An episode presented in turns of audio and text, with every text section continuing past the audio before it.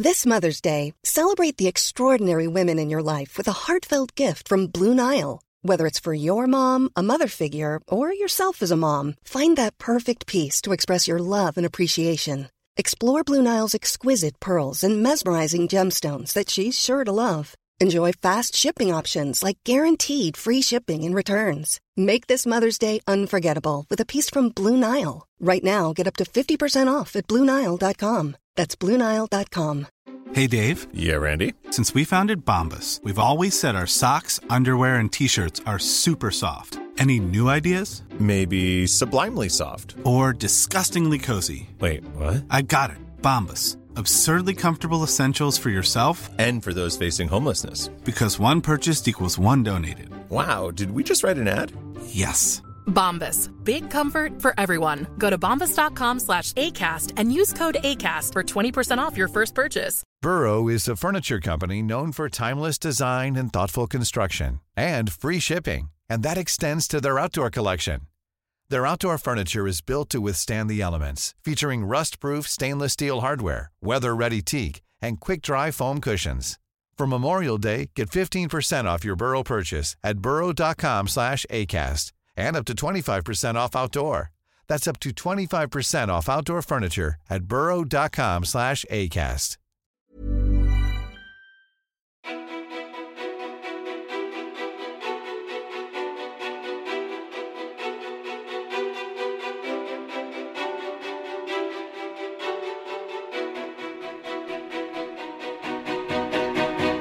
Emily Holsten är en känd träningsprofil. Hon har 70 000 följare på Instagram och har belönats med det prestigefyllda priset Guldhjärtat för årets förebild.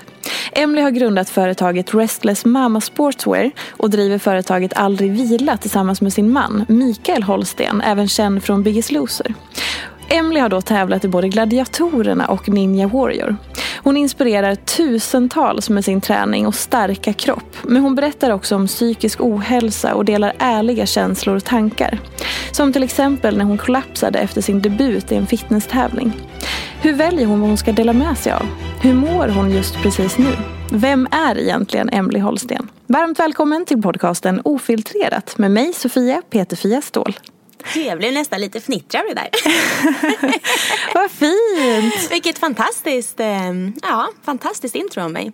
Ja men vad roligt. Det, är ju, det är ju det som är du. Det är din verklighet ju. Ja men det sammanfattade otroligt bra. Så jag blev väldigt imponerad måste jag säga. Vad roligt. Men om vi börjar med det som jag först skrev så här. Hur mår du just precis nu då? Just precis nu så mår jag faktiskt mitt bästa någonsin. Oj! Och så skulle jag nog säga att det har liksom ständigt utvecklats de senaste åren. Att jag, har, jag är på en resa där jag mår bättre och bättre och bättre. Men, och hur kommer det sig att, eh, att du har kommit så pass långt så att det är ditt bästa någonsin? Det är ju en stor grej. Ja, jag tror att det hjälpte väldigt mycket att bli mamma om jag ska vara ärlig. Det gav mig på något sätt en det jag har kunnat identifiera är att det gav mig en sorts eh, identitet för det första. Att jag känner att jag, jag är någon oavsett vad jag presterar eller eh, och det gjorde mig lugn och trygg och på något sätt att jag jag tror att jag kunde släppa den här prestationsångesten som jag förmodligen har haft i, i stora delar i mitt liv. Inte bara vid tävling och så utan även i livet i stort. Jag vet inte om det är någonting du också har känt kanske när du blev mamma att det blev Ja, det, jag älskar den rollen. Alltså, jag älskar att vara mamma. Ehm, sen så har jag väl kanske... Jag kanske hade trott att jag skulle vara, liksom, tappa mer av mig själv på något vis. Men jag känner mig fortfarande väldigt mycket Fia. eh, och det har landat speciellt liksom, sen livet kom tillbaka lite med eh, förskolan börjar. Och det. Det, var, det var annorlunda när hon satt på min kropp hela tiden. När hon Ah. var med mig 24-7 och sådär. Ah. Eh, sen betyder det inte att jag har släppt det. Men det är mer som att jag har nu kanske också en lite skönare balans mellan Mm. att känna mig som att jag får vara jag och att vara hennes Just mamma. Eh, och båda är ju lika viktiga såklart. Ja. Men, och det där är ju så eh, intressant vad man har för utgångsläge. För jag känner nästan tvärtom att jag har hittat tillbaks till mig själv nu. Ja. Och då tänker jag att sist jag kände att jag var mig själv det är säkert alltså, riktig, ri- de riktiga barndomsåren. Jag kan inte minnas när jag kände att jag var men så här, i kontakt med mig själv och vad jag vill och mina behov och mina ja och nej-signaler. För det är någonting som jag ja, men jag har nog tappat bort mig själv när jag har vuxit upp. Jag har lärt mig själv att styra mig själv utifrån vad andra vill ha av mig. Och inte styra mig själv utifrån vad jag vill. Och hur har det blivit så då? Eh, ja du, jag tror att jag har haft, utan att gå in för djupt på det, så har jag haft väldigt höga krav på mig utifrån sett.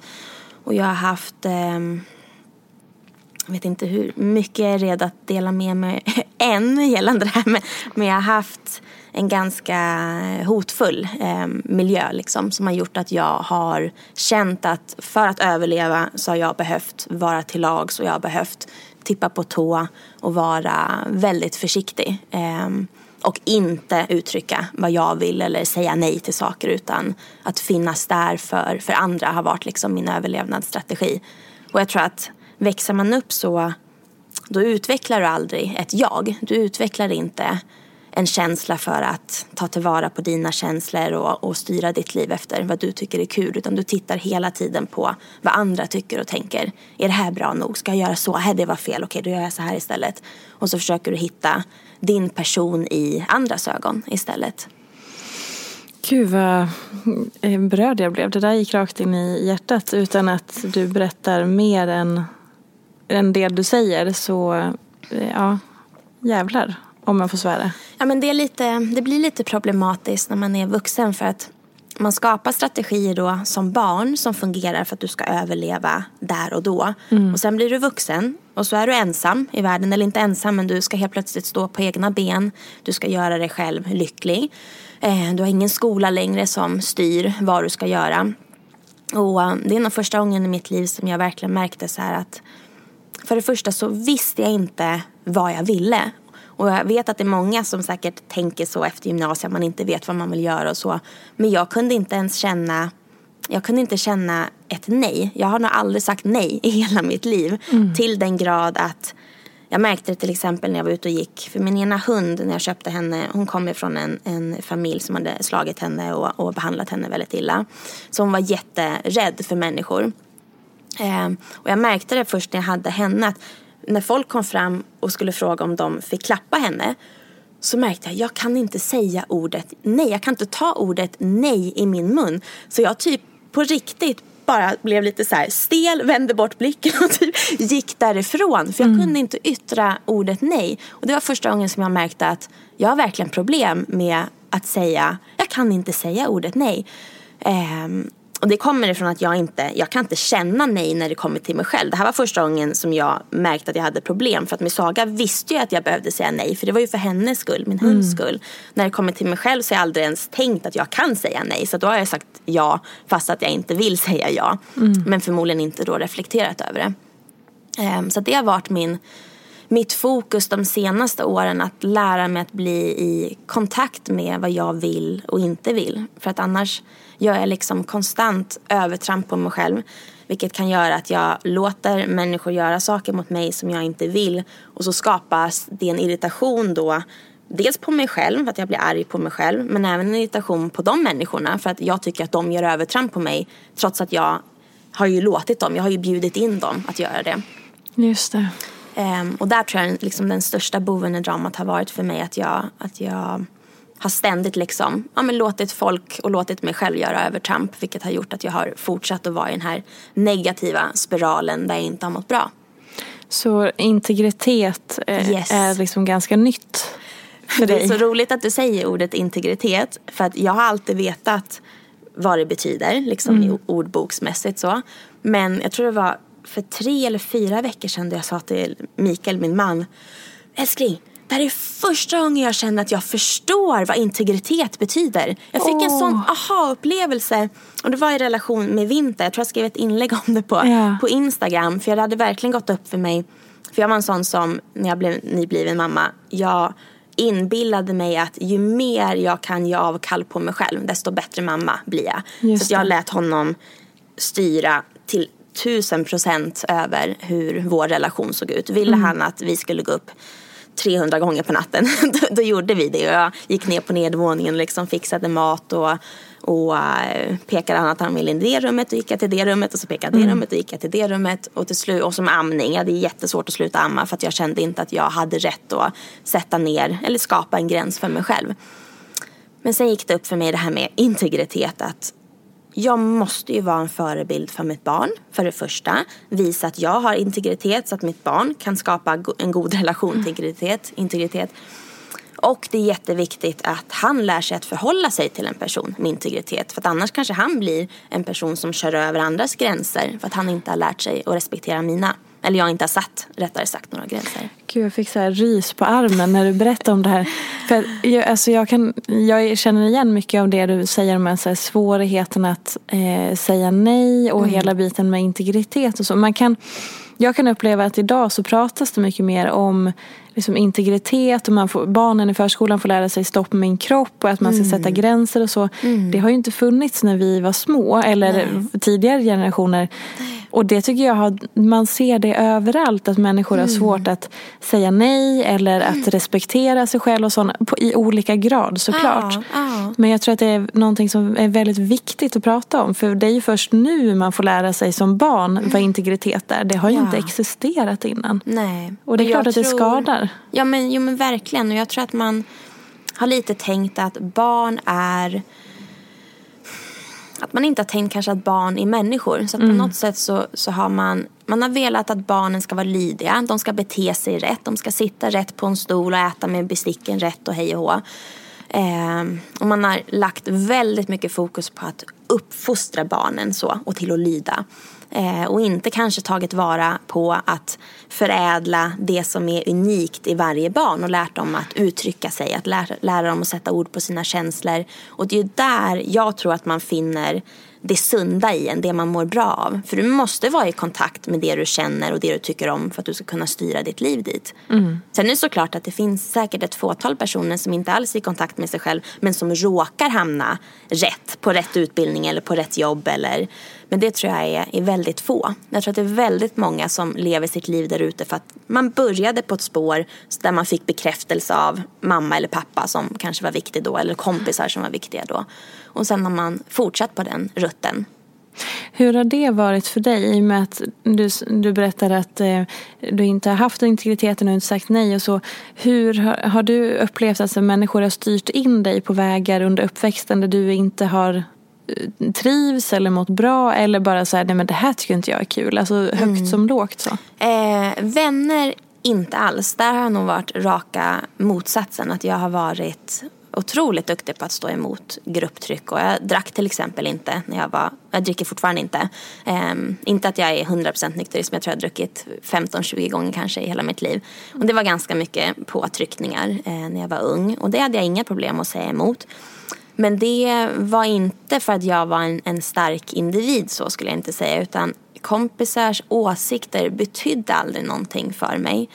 Och det i efterhand har jag fått förklarat och förstått att på grund av att jag hade den här hotbilden på hemmaplan ehm, så var jag som i ett konstant överlevnadstillstånd hela tiden. Där kompisar och umgänge blev totalt sekundärt. Ehm, mm. Så att jag existerade bara för, och det är speciellt min ena förälder, att den föräldern var mitt allt och min superhjälte upp till 10 000 liksom. För att det är oftast lite så det blir när det blir en sån här makt. Ehm, mm så att jag, jag hade bara mitt fokus där och bli, försökte bli den personen som den föräldern ville att jag skulle vara. Så att därför, det positiva med det var att jag inte var någon som föll för grupptryck i skolan. Nej. Så det var jätteskönt att slippa den biten. Sen kan jag ju känna att det är först idag jag har börjat uppskatta och värdera vänner. För att det är först idag som jag känner att, att, de, att jag har kunnat känna vad de betyder för mig. För att jag har liksom släppt den där stressen över att vara 100% närvarande för en annan person. Hur, hur, det är kanske svårt att fråga, men jag frågar i alla fall. Hur har det liksom påverkat din relation när du, ska ha, när du har liksom hittat en partner eller blivit kär? Mm. Eller liksom i den, kärleksrelationer? Det påverkar ju jättemycket, tyvärr. Man tar ju med sig mm. det man är van. Mm. Och i mitt fall så har det ju varit just det här att jag inte har kunnat uttrycka, jag har varit någonting som man inom psykologin kallar för codependent. Och det är att du försöker bara förverkliga andras drömmar för att du känner inte att du är värd någonting själv. Eh, och äh, min världsbild har väl varit att jag inte tror att någon lyssnar på mig heller. Så jag har aldrig uttryckt vad jag har velat och inte vetat heller vad jag har velat. Eh, jag har haft väldigt svårt som sagt att, att, säga nej. Vilket har gjort att jag har känt att det har blivit mellan mig och Mikael under åren som har gått en väldig maktbalans där också. Där han har blivit den dominanta och där jag har blivit lite den, den svaga som följer med. Eh, och det tycker jag att vi nu senaste året verkligen har lyckats rucka på. För att jag, jag har vågat ta mer plats. Jag har upptäckt att jag kan ta plats, att jag får ta plats, att jag vill ta plats. Mm. Um, och det är verkligen, all förändring klyschigt nog börjar ju med en själv. Mm. Så att det gäller verkligen att jag har verkligen behövt skapa den förändringen. För det har inte gått i mitt fall då att Mikael till exempel har gett mig utrymme. För då då är jag fortfarande utifrån styrd. Jag måste lära mig att bli inifrån styrd. Mm. Så um, det har varit eh, kämpigt för oss på det planet faktiskt. Att, det, att jag har varit jag har bidragit till den här maktförskjutningen och det är inte sunt tror jag i någon relation att det är en stor liksom, skillnad så. Det ska ju vara, tror jag, så jämlikt som möjligt för att man ska må bra. Mm båda parter. Och sen kommer det in en tredje person när ni fick barn då. Ja, vinter lilla miniposten. exakt. Som blir två i september. Eh, augusti, augusti, förlåt. Yes. Augusti, eh, precis. Och hur liksom, hur kom det in? Eller liksom det, han. Hur kom han in och förändrade eller påverkade då er maktbalans eller relation mm. eller ert liv så? I och med att det redan var som det var. Precis. Jag tror att han blev en katalysator till att jag blev mer i kontakt med mig själv. Um, för att han, lite som jag beskrev där i början, jag tror att när jag kände att nu är jag någon, mm. nu är jag mamma. Det blev en jätteviktig pusselbit för mig för att våga ta plats. Och sen vet jag inte om det händer någonting, förmodligen för att jag måste vara in tune med vinter så tror jag att det krävs en kontakt med sig själv på ett annat sätt. Ehm, så det kändes som att jag fick väldigt mycket gratis med att bli mamma. Som att jag fick en liten spark i baken och kunde liksom, nu har jag lite momentum så att nu är det mm. jättehärligt att bara rulla på. Och sen läser jag extremt mycket. Jag vill ju gärna bli psykolog eller psykoterapeut. Jag tycker att det är, ah. jag brinner så eh, ofantligt för det. Um, så det är så mycket mer än träning. Det är verkligen min passion. Och um, nu känner jag att han är lite för liten än för att jag ska påbörja den utbildningen. För den är så, det är så mycket tid. Det är ju mm. 8 till 5 mer eller mindre varje dag. Jag har tolkat att läkarlinjen och psykologlinjen är de enda två utbildningarna som verkligen kräver att du är i skolan hela dagar. Eh, och jag vill gärna att vi inte ska få gå korta dagar på förskola och, och vara ledig fredagar som man är just nu eh, ett tag framöver. Mm. Så att tills dess så beställer jag hem böcker och sitter och nördar ner mig och läser. Vad, finns det någonting som du har upptäckt eller lärt dig av allting som du har läst som så här, det här borde folk veta? Eller det här har gett dig jättemycket? Ja. ja, det är ju framför allt det här med känslor skulle jag vilja säga. Jag har levt hela mitt liv, för jag blev djupt deprimerad i ålder, tror jag var 16, ja, när jag bytte till gymnasiet. Eh, från vad jag tyckte ingenstans. För jag har levt i en förnekelsebubbla där jag har förträngt typ hela min barndom. Det är fortfarande att jag kommer på eh, så och jag arbetar mycket med en psykoterapeut idag för att liksom uncover så och få upp gamla eh, minnen för att kunna bearbeta det. Men eh, det jag, min strategi har varit att liksom trycka undan allting som gör ont. För det är ju såklart obehagligt med sådana känslor som, som är smärtsamma. Mm. Men till, till slut så går det ju inte att trycka undan mer. Allting, det går ju aldrig egentligen att trycka undan någonting och få det att försvinna. Utan man, man lagrar det ju någonstans i kroppen. Och när jag var 16 så, så uh, började jag störtböla på en lektion. Och jag förstod inte vad det var som hände överhuvudtaget. Och jag kunde inte sluta gråta. Det bara vällde upp. Och sen skulle jag beskriva det som att jag gick totalt in i väggen. För då blev jag apatisk istället. Eh, mm. Så all energi liksom rann ur mig. Och det pågick och jag visste inte att jag var deprimerad. Och det är det som är så läskigt med den här tabun om att man inte har, har pratat i alla fall så mycket om psykisk ohälsa. Så jag hade inte ens hört talas om depression. Jag visste inte vad det var för någonting. Så att jag såg ju bara mig själv och hur jag inte orkade ta mig upp på morgonen. Hur jag gick ifrån att ha varit en väldigt högpresterande människa till att bli någon som helt plötsligt inte gick på morgonlektionerna i skolan. Eller kunde skippa hela dagar. Fick CSN-varning för att jag inte gick till skolan. Och då är jag någon som gick ut med MVG i alla ämnen när jag gick ut nian och hade inte skolkat en minut liksom innan. Så det var så olik den jag var. Mm. Um, och det, det i sig har skapat lite trauma för mig idag. För att jag känner att jag har lite en brist på tillit till min förmåga idag som jag inte känner att jag hade förr. Det har varit läskigt att dra igång projekt för att jag vet inte, kommer energin finnas där? Kommer jag orka ro i land det här? Eh, och just nu känner jag mig jättehoppfull kring det. För att jag vet att så länge jag bara nu låter alla känslor få komma upp, även när det gör ont. Och det gäller ju att hitta, att bli medveten om när man trycker undan. För jag visste ju inte att jag tryckte undan känslor Nej. heller. Men jag tror verkligen nyckeln ligger i att låta sig känna allting och inte döma sig själv för att man känner vissa saker. För känslor måste få komma ut för de, de bär alltid på ett budskap. De finns ju där för att tala om för oss att det här är jättekul, gör mer av det. Eller det där, det där känns lite obehagligt, jag är förmodligen rädd för det där. Då ska jag kanske, ja, ska jag utmana det eller ska jag stanna borta? De finns ju hela tiden där för att lära oss någonting om vem vi är. Ehm, och sen kan känslor också komma på grund av att man har liksom någon form av, låt säga att jag på grund av min uppväxt så har jag ganska eh, misstro till människor. Så mm. det är, är också en, en eh, sak som jag måste jobba med maken. Att jag, jag tror hela tiden, det är inte så att jag går runt och, och tror det aktivt så, men, men jag har en känsla i kroppen hela tiden att vilken dag som helst så kan jag bli övergiven. Eh, och det skapar ju en tillitsbrist och det skapar ju ett sätt jag ser ju på honom ur ett perspektiv på grund av det. Vilket mm. gör att det kommer också mycket känslor därav. Så att till exempel om han säger att nu ikväll så vill jag åka och hänga med, med Matte som är hans, en av hans närmsta vänner. Så kan det direkt kännas, liksom dyka upp både tankar och känslor i mig då. Gör han det här nu för att han inte vill vara med mig mer? Inte så för att han vill åka och ha kul med sin vän utan nej det mm. beror nog på mig. För att han, han är nog less på mig nu. Och så mm. växte ju ångest och att jag blir ledsen och stress och liksom så.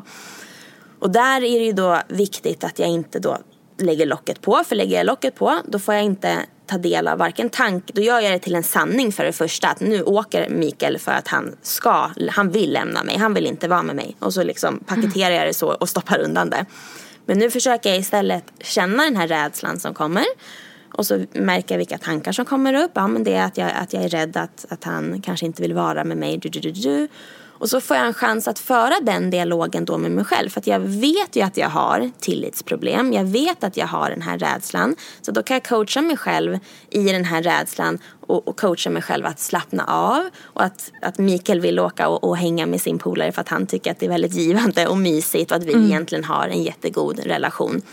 Och då är känslan bearbetad och försvinner. Den är inte undantryckt och, och sätter liksom ett, ett sår i kroppen som sen måste blossa upp senare. Utan då är den behandlad, den är frilöst och jag kan liksom slappna av.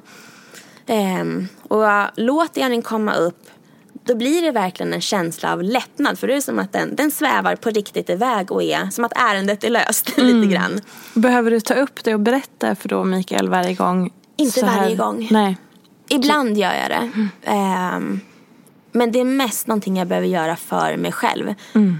För det är ju inte Mikaels han ska inte låta bli att träffa Mattias till exempel. Och han ska mm. inte lösa det åt mig. Utan det är verkligen främst jag som behöver, behöver lära känna. Vad vill den här känslan säga mig? Är den, är den rim? Den alltid...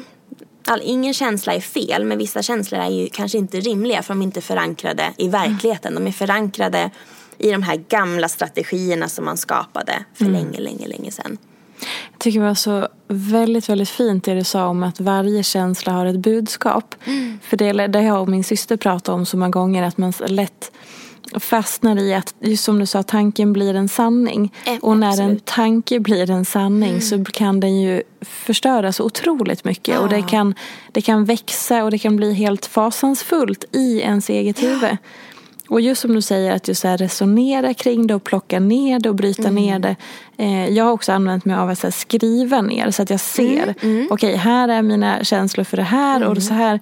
Det är skitläskigt i huvudet och blir jättestort. Okej, jag skriver ner på ett papper så ser jag och börjar jaha men vänta nu, det här var ju helt orealistiskt nu när jag läste Ja, det på ja. pappret. Men, och just, det var väldigt fint. Äh, Känslor har ett budskap, för då blir de inte heller så vassa tänker jag. Mm. Nej. Då är det mer en, en vägledning eller något liksom lite mjukare. Precis, och de blir heller kanske inte indelade i, i snälla och dumma. Exakt. Utan alla är verkligen lika viktiga. Och de som gör ont, jag brukar tänka när man lägger en hand på en varm platta så rycker man ju bort handen för att det gör ont. Så att smärtan är ju obehaglig att uppleva. Men den är ju ofantligt viktig. För annars skulle man inte ta bort handen och så skulle man göra illa sig. Exakt. Så där är ju budskapet i den smärtan i handen men också med känslor att de vill faktiskt säga oss någonting för att vi ska ändra riktning eller, eller någonting. De vill ändra något form av mönster som vi har som inte gynnar oss. Men det krävs ju otroligt mycket både mod och styrka och även liksom ork och energi. Det krävs mycket att v- våga och klara att lyssna på sig själv. Jag kan ju nästan påstå att det är något av det svåraste som finns. Ja. Speciellt i det här samhället där vi lever där allting är så uppritat och ganska fyrkantigt och man ska in i den här mallen, man ska göra vissa saker innan man har fyllt 30 och 40 och så här ska livet formas och se ut och alla är likadana och så bam bam bam. Alltså vi har ju väldigt lite utrymme att, att egentligen eh, Dels att lyssna på oss själva, det får vi ju aldrig lära oss. Nej. Det är ju bara från tidig ålder. Bara, Exakt. tyst, sluta gråta, där är rätt, där är Exakt. fel. Pop, pop, pop. Precis. Så blir vi stängda människor. Ja, det här rätt och fel-tänket tror jag är jättevanskligt. Det, det dödar verkligen din, din unika person för att man blir inkapslad. Ehm, men jag tror också så här att jag har verkligen känt det läskiga med att lyssna på sig själv och styra sitt liv utifrån vad du känner. Det är att det landar ett väldigt stort ansvar på dig. Som alltid finns där. Alltså det personliga ansvaret för vem du är och vad du gör med ditt liv. Det finns ju alltid där. Men jag tror att man kan förtränga det lite om man styr sitt liv utefter någon annans pekpinne. För då, då behöver du inte ta det där personliga ansvaret på samma sätt. Just det. Utan då kan man lite peka finger och säga, ja men du sa ju att. Eller så här gör ju alla andra. Ja, men hela gruppen gör ju sådär. Så gömmer man sig bakom att, att hela gruppen fattar ett beslut. Så behöver du inte stå där med byxorna nere om det går dåligt. Och där är väl också det här att man är så rädd för att misslyckas generellt. Tar man bort det så kanske inte gör så- mycket om man står med byxorna nere. För att då tänker man att nej men det där var ju bara en erfarenhet som jag lär mig någonting av. Det kommer, precis som med träning. Att det finns egentligen inga misslyckanden i träning utan allting är bara en resa mot att bli bättre och mer utrustad för det som är. Och det som är är ju både mot och medgångar. Eh, Jag förstod av det du berättade tidigare att så prestation är någonting som har funnits med dig väldigt länge.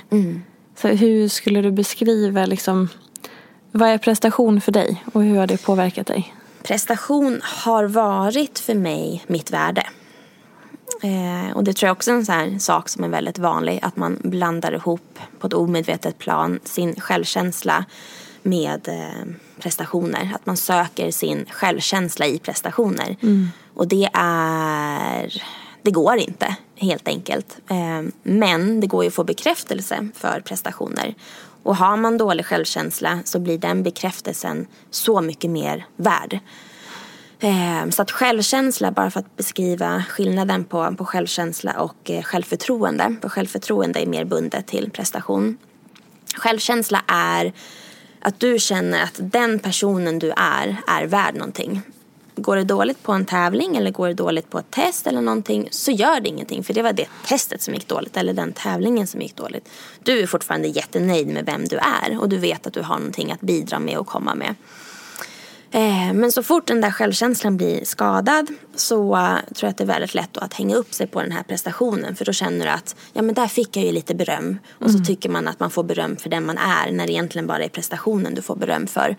Och så fastnar man i den där negativa loopen för att en prestation jag vet inte om ni känner igen er ni som lyssnar men, men ni som känner att ni får bekräftelse för en prestation har inte ni också känt att den varar så kort tid? Det är jättekul precis när du upplever liksom att du har åstadkommit någonting. Men sen är det som bortblåst dagen efter för då är siktet inställt på nästa sak man ska uppnå. Eh, och där blir det ju då jätte, kontraproduktivt att man hela tiden fastnar i den där lilla, att man försöker hela tiden kamma hem det där som ska göra en lycklig. Men man kommer aldrig dit för det är hela tiden någonting nytt. Och det flyttas hela tiden längre fram det här som man, man tror att man ska slutligen åstadkomma som ska göra en um, uppfylld eller fulfilled. Mm. Många upplever kanske det framförallt i så här, träningssammanhang eller så här, nu ska jag styra upp mitt liv. Om mm. jag bara går ner 10 Exakt. kilo, om jag bara får magrutor, om jag mm. bara får mm. utseende liksom, kopplade ja. mål eller sådär. Men såklart, helt, eh, finns ju med i hela livet. Ah. Men, och då, så du sa att du gick ut med MVG i skolan. Och liksom, mm. Så den, den delen har ändå alltid... Hur, länge, hur, hur är relationen till det idag då? Har det ändrats? Mom deserves the best, and there's no better place to shop for Mother's Day than Whole Foods Market. They're your destination for unbeatable savings, from premium gifts to show-stopping flowers and irresistible desserts. Start by saving 33% with Prime on all body care and candles. Then get a 15-stem bunch of tulips for just $9.99 each with Prime. Round out Mom's menu with festive rosé, irresistible berry chantilly cake, and more special treats. Come celebrate Mother's Day at Whole Foods Market. Mother's Day is around the corner. Find the perfect gift for the mom in your life with a stunning piece of jewelry from Blue Nile. From timeless pearls to dazzling gemstones, Blue Nile has something she'll adore. Need it fast? Most items can ship overnight. Plus, enjoy guaranteed free shipping and returns. Don't miss our special Mother's Day deals. Save big on the season's most beautiful trends. For a limited time, get up to 50% off by going to Blue BlueNile.com. That's Blue BlueNile.com. Mom deserves the best, and there's no better place to shop for Mother's Day than Whole Foods Market. They're your destination for unbeatable savings, from premium gifts to show-stopping flowers and irresistible desserts. Start by saving 33% with Prime on all body care and candles. Then get a 15-stem bunch of tulips for just $9.99 each with Prime. Round out Mom's menu with festive rosé, irresistible berry chantilly cake, and more special treats. Come celebrate Mother's Day at Whole Foods Market. Hiring for your small business? If you're not looking for professionals on LinkedIn, you're looking in the wrong place. That's like looking for your car keys in a fish tank. LinkedIn helps you hire professionals you can't find anywhere else, even those who aren't actively searching for a new job but might be open to the perfect role. In a given month, over 70% of LinkedIn users don't even visit other leading job sites. So start looking in the right place. With LinkedIn, you can hire professionals like a professional. Post your free job on linkedin.com slash people today.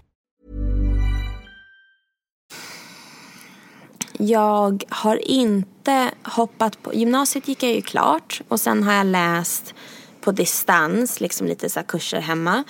Eh, försökte hoppa på en filosofiutbildning för det tycker jag också är jätteintressant men gick in i väggen. Eh, och det var inte på grund av skolan egentligen. Det var att jag både skulle göra skola och jag skulle gå, eh, driva företag med maken och jag skulle göra en eh, athletic fitness tävling samtidigt med diet och, och så här. Och så flytta va? Och flytta, ja du ser då, jättegott. Ja, flytta samma helg som tävlingen var. Så det mm. blev verkligen, det blev för mycket hela det paketet.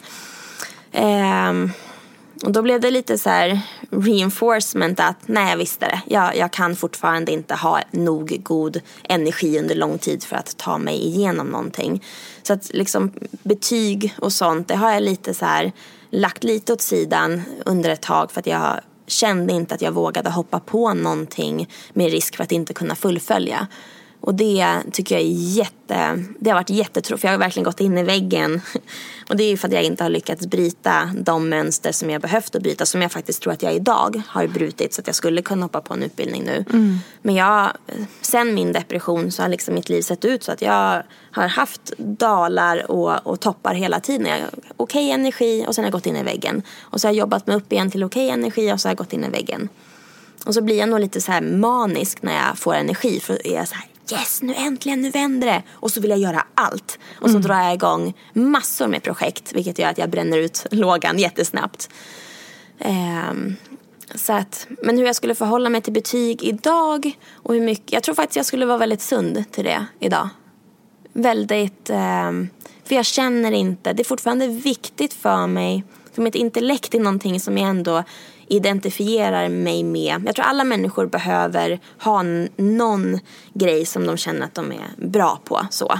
Det kan vara någon som är en duktig dansare eller någon som är Ja, man har någonting som man känner, det här är mitt område som jag behärskar. Om man skulle leva i en by så vill ju alla ha liksom sin lilla roll som man känner att man bidrar med. Och jag tror att jag gillar att stimulera mitt huvud. Det tycker jag är kul. Så det skulle jag tycka var jobbigt om jag blev motbevisad. Att nej Emelie, vet du vad, du är faktiskt ingen duktig på det här. Då skulle jag ta det lite som att min identitet på den biten blev hotad. För jag känner att jag alltid identifierat mig som den som ändå Ja, men som, som tänker mycket. Så. Jag läste något eh, Instagram-inlägg där du skrev ganska nyligen att du har alltid varit så mycket just i ditt huvud. Ja. Och att folk har sagt då kopplat till känslor eller känn dig i kroppen eller lyssna på din kropp eller magkänsla och att du inte har förstått vad de har menat. Nej, precis. Hur, eh, hur, hur har det liksom varit då att leva ett liv i huvudet? Om vi börjar där. Väldigt stressigt. Eh, för att det innebär att jag alltid håller koll på vad andra människor tänker och tycker. Så att har jag till exempel träffat nya människor då har jag direkt flyttat mitt fokus. Ah, jag undrar vad hon eller han tycker när jag sa det där. Sa jag för mycket nu? Skulle jag sagt lite mindre kanske? Skulle jag prata högre? Oj, förolämpar jag den personen nu? Det har hela tiden varit nojigt. Så här att jag ja, har hela tiden trott att jag har gjort bort mig. Så att det, det har stressat mig. Eh, nu så känner jag liksom att jag är i mig själv. Jag, tänker, jag tänkte inte på vad du tänkte om mig när vi träffades till exempel. Utan jag bara sitter där, vi kramas och så gick vi bort hit till det här rummet. Och det är så skönt för det, det är så lugnt och ja, men harmoniskt i kroppen. Istället för att hålla på att tänka allt möjligt. För du vet ju, man kan ju måla upp hur många scenarion som helst om man Gud, ska ja. försöka lista ut vad den andra personen tänker. Var det även många steg före i huvudet? Att Ja, du tänkte ja, ja, så här, okej men nu är det här och sen ska jag göra det och sen och eh, jag har en kompis som planerade sina samtal också. Mm. Ehm, eller liksom på ett sätt, jag kommer inte ihåg exakt men att eh, om hon skulle träffa någon så tänkte hon ut lite så här om, den, om, vi, om vi pratar om det här då kanske jag kan säga si eller så eller pratar vi så. förstår. så Som att ligga hela tiden några steg före Ja. både praktiskt i livet och planering och så här och så här och dit ska jag sen. Och sen även liksom med relationer eller möten eller sådär. Ja. Kan du känna igen någonting sånt? Jag känner inte igen med, med samtal så. Men jag vet ju att jag inbillar mig när jag stressar upp mig över, om det har med Mikael att göra då till exempel, att jag är rädd att han ska lämna mig.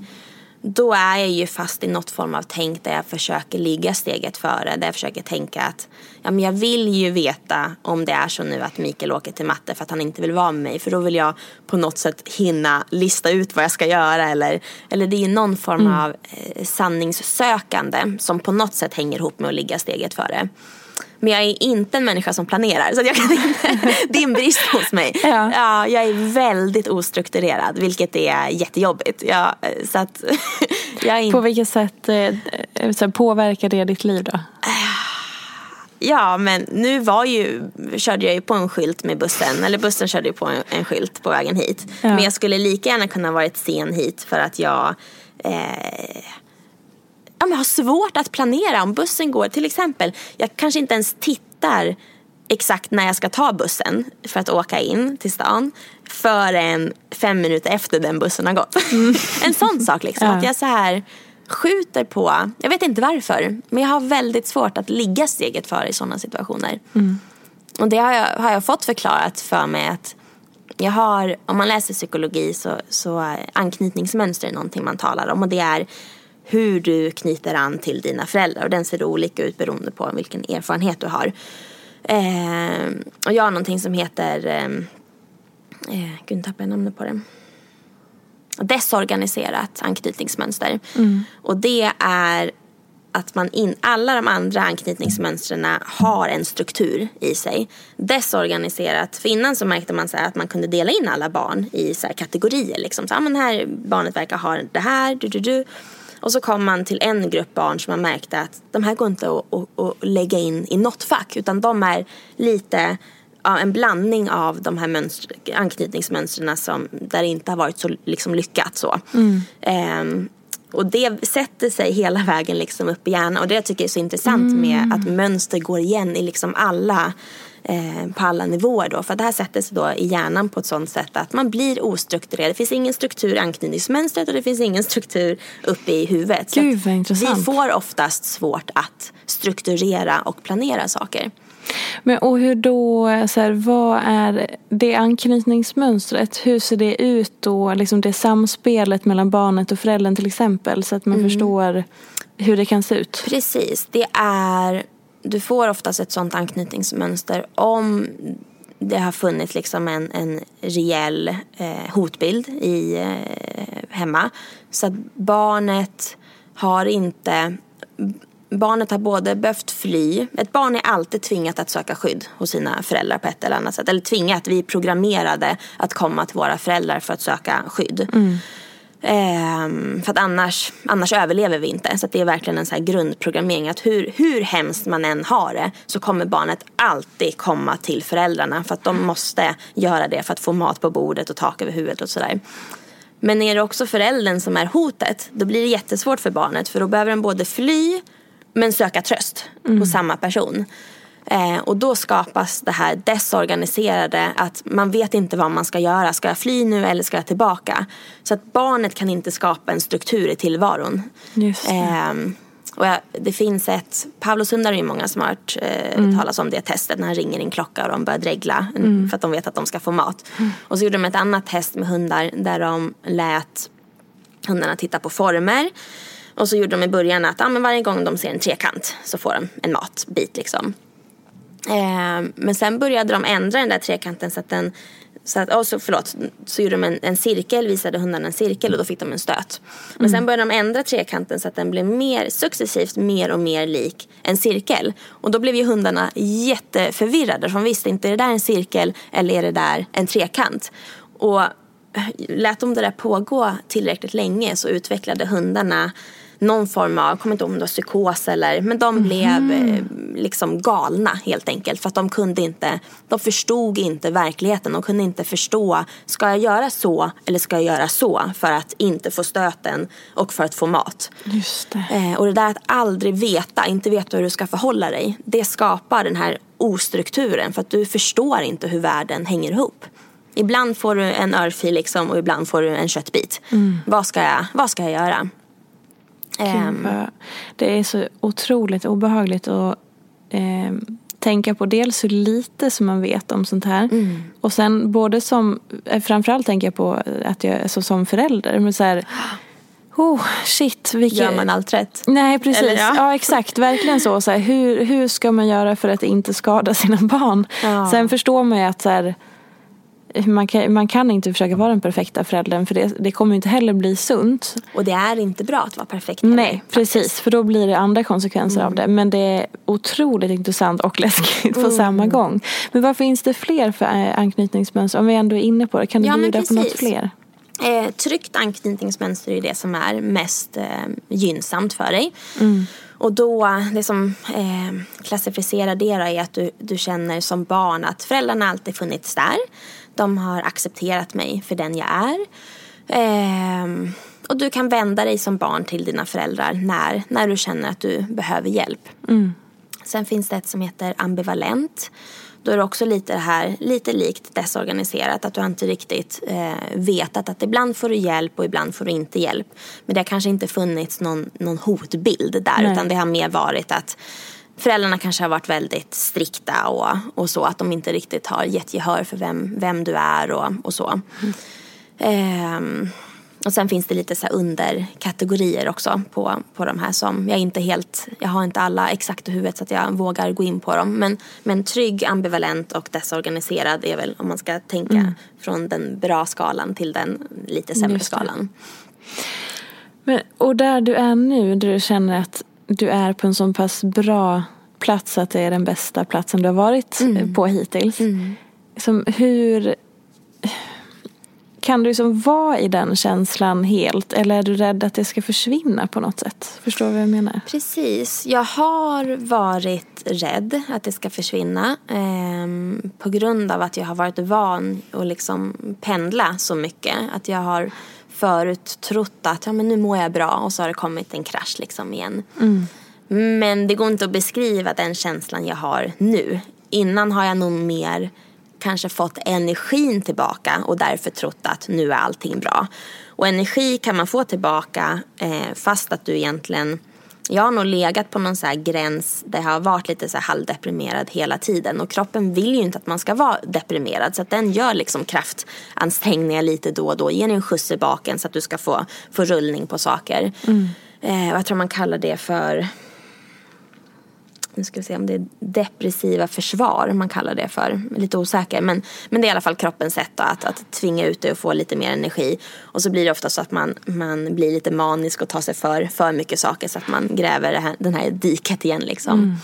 Eh, men idag så känner jag att det är inte bara mer energi jag har utan jag har verkligen förändrat saker hos mig.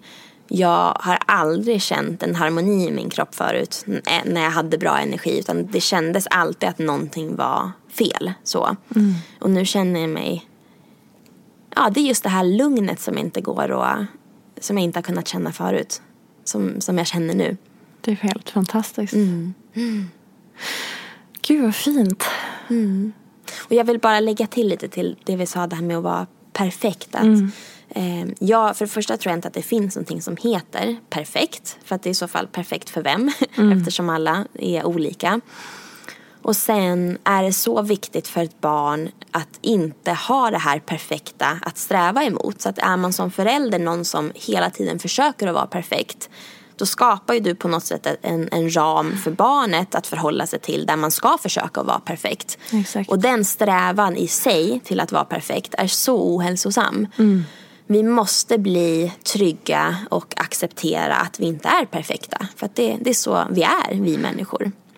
Ja, och precis som vi pratade om att vara i alla sina känslor, acceptera alla sina känslor. Ja. Jag, vet, jag vet ju väldigt många som säger att ja, men mina föräldrar bråkade aldrig. Nej, och så plötsligt en dag så skildes mm, de. Precis, förstår ingenting. Nej, men herregud.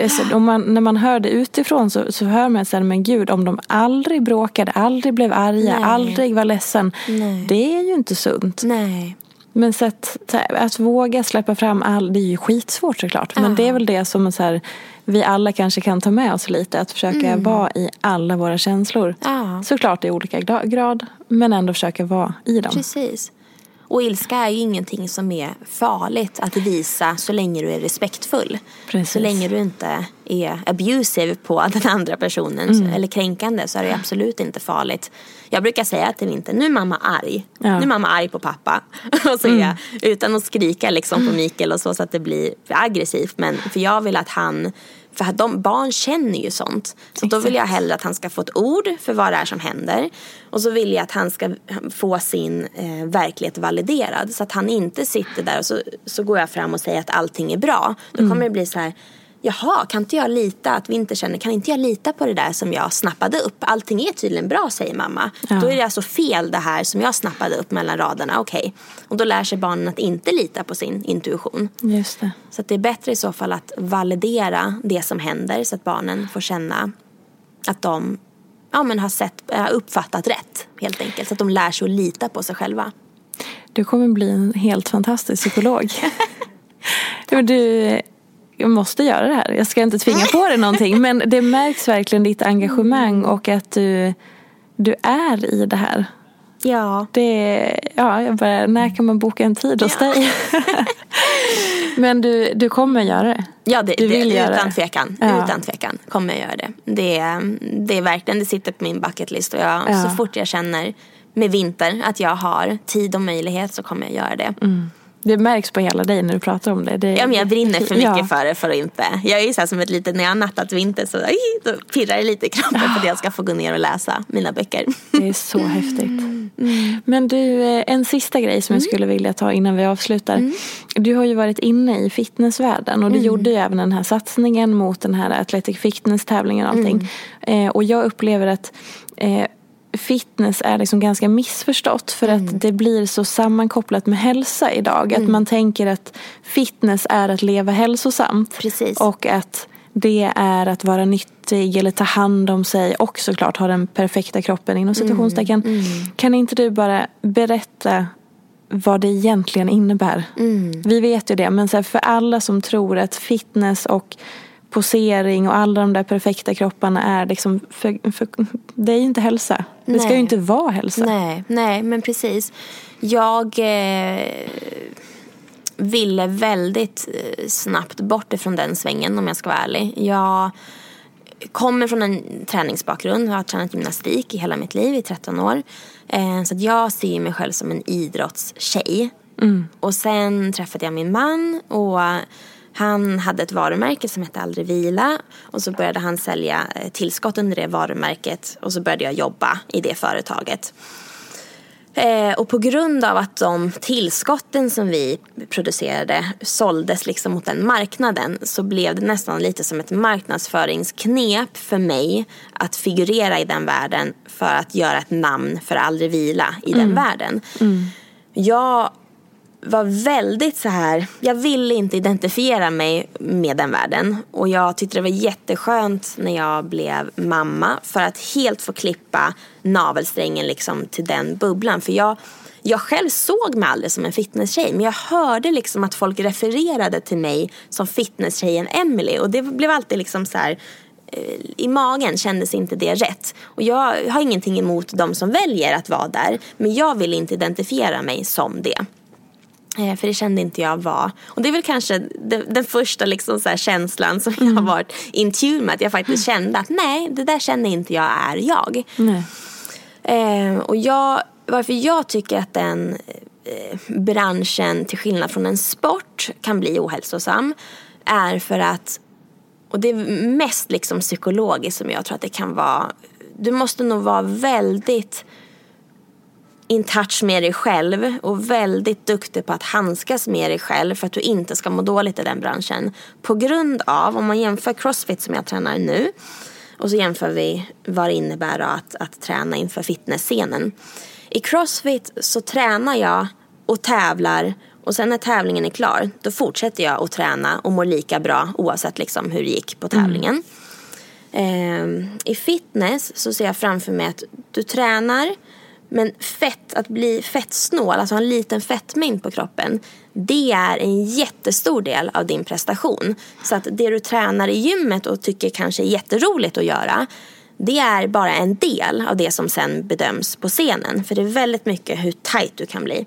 Efter du kliver av scenen så kommer du förmodligen inte varken kunna, orka behålla den formen. Och det är inte gynnsamt om du nu vill upp på scenen igen om ett halvår och bli, har lagt på dig mer massa och så vidare. Så då måste du ta dig bort ifrån den där fettprocenten som du precis blev hyllad för att du hade så låg. Och där tror jag att det är många som kan känna då att så länge de inte är i den där superrippade formen då är de inte good enough. Eh, för att det är så mycket det de får bekräftelse för och blir berömda för.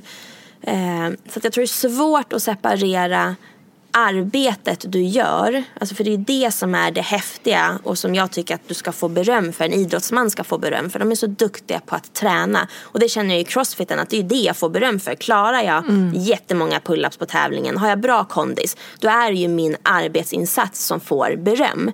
Men på scenen blir det mer yta, det blir mer det resultatet du presenterar den dagen. På en crossfit-tävling dagen efter, jag är ju lika bra dagen mm. efter. En vecka efter är jag bättre än vad jag var på tävlingen. I en fitnesstävling, en vecka efter, och du lite, har mer fett på kroppen, då är du sämre än vad du var för en vecka sedan mm. på den nivån. Du kanske har hunnit träna lite i gymmet så att du har hunnit göra lite gains liksom mm. i gymmet. Men overall så tror jag att folk känner sig sämre än sitt tidigare jag veckorna efter scenen. Och som sagt, en idrottsprestation, crossfit, fotboll, allting då utvecklas du ju bara och blir bättre hela tiden. Varje dag blir du ju bättre. Men i fitness är det den här jojon, att du, det är inte lika tydligt att känna kanske, jag gissar det, mm. att du är på en resa där du ständigt blir bättre. För att fettprocenten är så liksom övervägande viktig. Och den blir ju inte bara bättre utan Nej. den är ju jojo fram och tillbaka.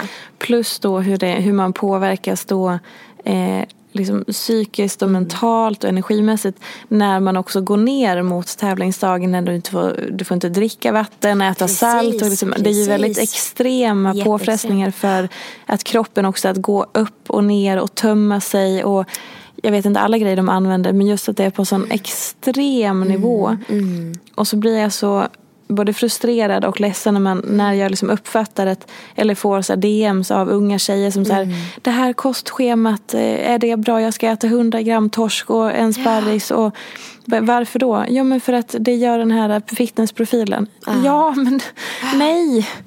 Och så här, fitness är inte hälsa och Nej. det ska inte vara det. Nej. Alltså det är framförallt det att så här, det är ju inte ett hälsosamt tillstånd att befinna sig i. Nej, och det, har, det, är inte, det är inte det som är tanken heller. Det är ju en extremsport. Precis. Men det har liksom blandats ihop. Så precis. det är så skönt att du bara, mm. tack för att du berättade ja, det här och förtydligade det. Ja, där var ju det, det mentala. Mm. Men sen precis som du mm. säger, om man tänker bara på kroppen. Många, många kvinnor, det är för, framförallt tjejer som blir väldigt påverkade av att ligga så, så fettsnålt. Mm. Eh, ha så lite fett på kroppen. De tappar ju mensen.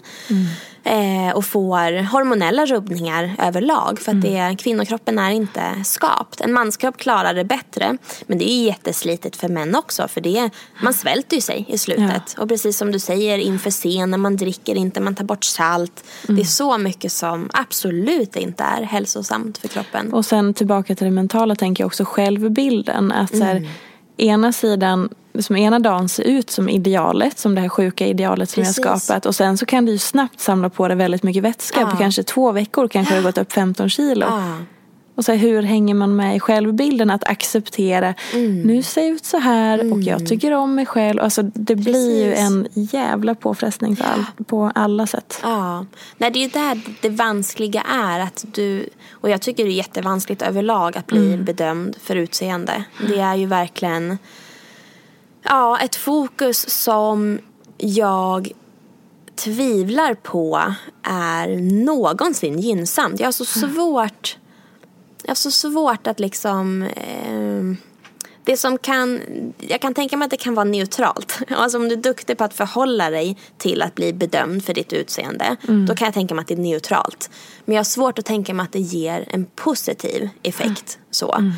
Mm. Um, Ja, självförtroende såklart. Att det gör det. Precis som vilken annan prestation som helst. Att det ger självförtroende för den prestationen. Utseende är ju liksom en, en form av prestation. Så. Mm. Mm. Ehm, och bekräftelse, det söker vi ju alla. Det, det vanskliga blir när man lägger liksom alla, när man söker för mycket bekräftelse där på grund av mm. brist på någonting annat. Det är svårt. Det är, det är jätte, skitsvårt. Ja, det är jättesvårt. Men tack för att du ändå, eh, ja, för att vi pratade om det här och bara så här, du som har varit i det mm. som bara kan ge det här perspektivet. Mm. Jag tror det är så väldigt, väldigt viktigt. Mm. Vad vill du avsluta med? Mm. Väldigt fri och öppen fråga. Ja men precis. Ja du. Det jag kan avsluta med gällande, för du hade en fråga där i början vad som har hjälpt mig mm. mest. Och så kom vi in lite på, du pratade om tankar och sanningar. Mm. Eh, det här var ju någonting som jag associerade till och det är just det här att jag tror att det är väldigt viktigt att vara medveten om att alla människor har ett filter eh, som vi processar allting vi ser och hör. Eh, vilket gör att för många gånger så vill man ju tro att man uppfattar allting som en objektiv sanning. Nej, men jag är väldigt objektiv. Jag, allting jag ser och hör är så som jag tolkar det. Men så är det verkligen inte. Världen ser helt olika ut genom olika ögon. Även om man tittar på samma scenario. Mm. Och jag tror att man gör sig själv en väldig tjänst om man är ödmjukt inställd mot det och kan som i diskussioner vara öppen för att den andra som pratar kan ha väldigt mycket rätt i det han eller hon säger så att man inte tar sin, sin världsbild för sanning. Och jag tror att man gör man kan tjäna mycket på att ifrågasätta hur man ser på världen. Till exempel, jag vill ju ta bort det här som jag tror att människor inte går att lita på. Eh, det är någonting som bara missgynnar mig. Mm. Och um, jag skulle må väldigt mycket bättre om jag kunde arbeta bort det och vara mer, kunna lita mer på människor. Hur tar man bort det? En dum fråga. Men Meditation hur? till väldigt stor del skulle jag säga. Att först bli varse om det mm. och bli varse om när man tror de sakerna. Att jag faktiskt är varse om att när Mikael ska åka iväg. För innan kände jag bara en ångest. Jag hade ingen aning om vad det var jag kände. Sen lärde jag mig att nej, men jag blir faktiskt rädd. Att det, det är det som min ångest är. Att jag har tryckt undan rädsla så många gånger. Så, så släppte jag fram alltså rädsla. Och sen när jag lyssnade på rädslan då, då sa den till mig då att, att jag är rädd att Mikael ska åka för att han inte vill vara med mig längre. Och där kan jag börja arbeta med det. Vill jag verkligen tro så? Nej men vänta nu. Och så kan jag ge mig själv, coacha mig själv på andra spår. Just så att det gäller ju att bli varse om vad man känner och vad man tänker. Och varför känner jag så? Kanske dra, knyta an till någonting som hänt i sin uppväxt. Jag tycker ju sånt är jätte, just den här varför-frågan tycker jag är jättespännande. Det är väldigt, väldigt spännande. Mm. Men det är ett gediget arbete att göra. Och jag skulle säga att allt börjar med att blicka inåt som är lätt att göra med meditation. Att man faktiskt bara sätter sig tyst och reflekterar över vad man känner just nu och vilka tankar som dyker upp. Och så får man försöka backtracka liksom så långt man kan. Fint. Jag är så glad över att du ville komma hit. Ja men tack jag är jätteglad för att jag fick komma. Det, jag tar med mig väldigt mycket från det här avsnittet. Och jag är så glad över att höra över den resan du har gjort och att du befinner dig på en sån fin plats. Väldigt, väldigt fint. Och tack för att du delade allt som du gjorde. Tack själv. Kom ihåg att följa nu Emily i sociala medier och eh, hon har ju en väldigt gullig son som heter Vinter så att det är värt att följa bara därför. Och jag kom ju på en sista sak som Ja. jag helt har glömt bort. Och bara, Ja. Om jag bara får marknadsföra mig själv ja, lite. Mitt såklart. företag. Ja, men eller hur. Den lilla detaljen. Ja, den lilla detaljen. Åh, det är väl egentligen det enda som, som jag bara hade lite så innan att Ja. jag ville berätta Ja, om men berätta. supersnabbt. Ja. Det jag gör är, jag designar, eller företaget då som jag äger, designar träningskläder för gravida och eh, ammande mammor. Mm. Så att jag som älskar att träna och har fött barn och allting upptäckte att när jag blev gravid, det finns ingenting att ha på sig. Knappt vanliga kläder heller. Håller med. Det är Verkligen. Mm. extremt dåligt. Och uh, jag har ett, hittat ett helt fantastiskt tyg som är, ja men alltså det är så skönt så att det är helt galet. Så att kunderna som vi har köper dem för träning men så får jag meddelanden att de, vi bär det här 24 timmar om dygnet hela graviditeten för att det är så, så skönt. Ehm, så att Gud, Restless. Mm. Mama heter varumärket. Och Restless Mama Sportswear på Instagram. Restlessmama.sportswear på, på Instagram ja. Ni måste ju då testa det såklart. ja men det var jättebra att du sa det. Ah, vad tur att jag kom på det. Ja exakt. Tack. Och som sagt, följ Emily på sociala medier för hon är fantastisk. Som sagt, prisad förebild, bara en sån sak. tack. så jättemycket, vi hörs nästa vecka. Hej då! Mig gärna i sociala medier. Jag heter Peterfia på Instagram och bloggar på peterfia.se. Vill du komma i kontakt med mig så gör du det på info.peterfia.se. Jag vill rikta ett stort tack till Acast för studie och stöttning och ett stort, stort tack till geniet Elin Sjödén som klipper den här podcasten.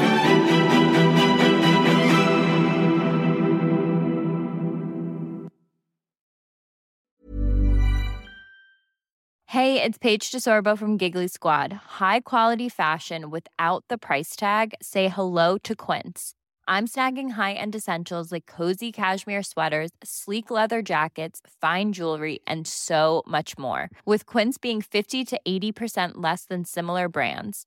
And they partner with factories that prioritize safe, ethical, and responsible manufacturing. I love that. Luxury quality within reach. Go to quince.com slash style to get free shipping and 365 day returns on your next order. Quince.com slash style. Flexibility is great. That's why there's yoga. Flexibility for your insurance coverage is great too. That's why there's United Healthcare Insurance Plans. Underwritten by Golden Rule Insurance Company, United Healthcare Insurance Plans offer flexible, budget friendly coverage for medical, vision, dental, and more.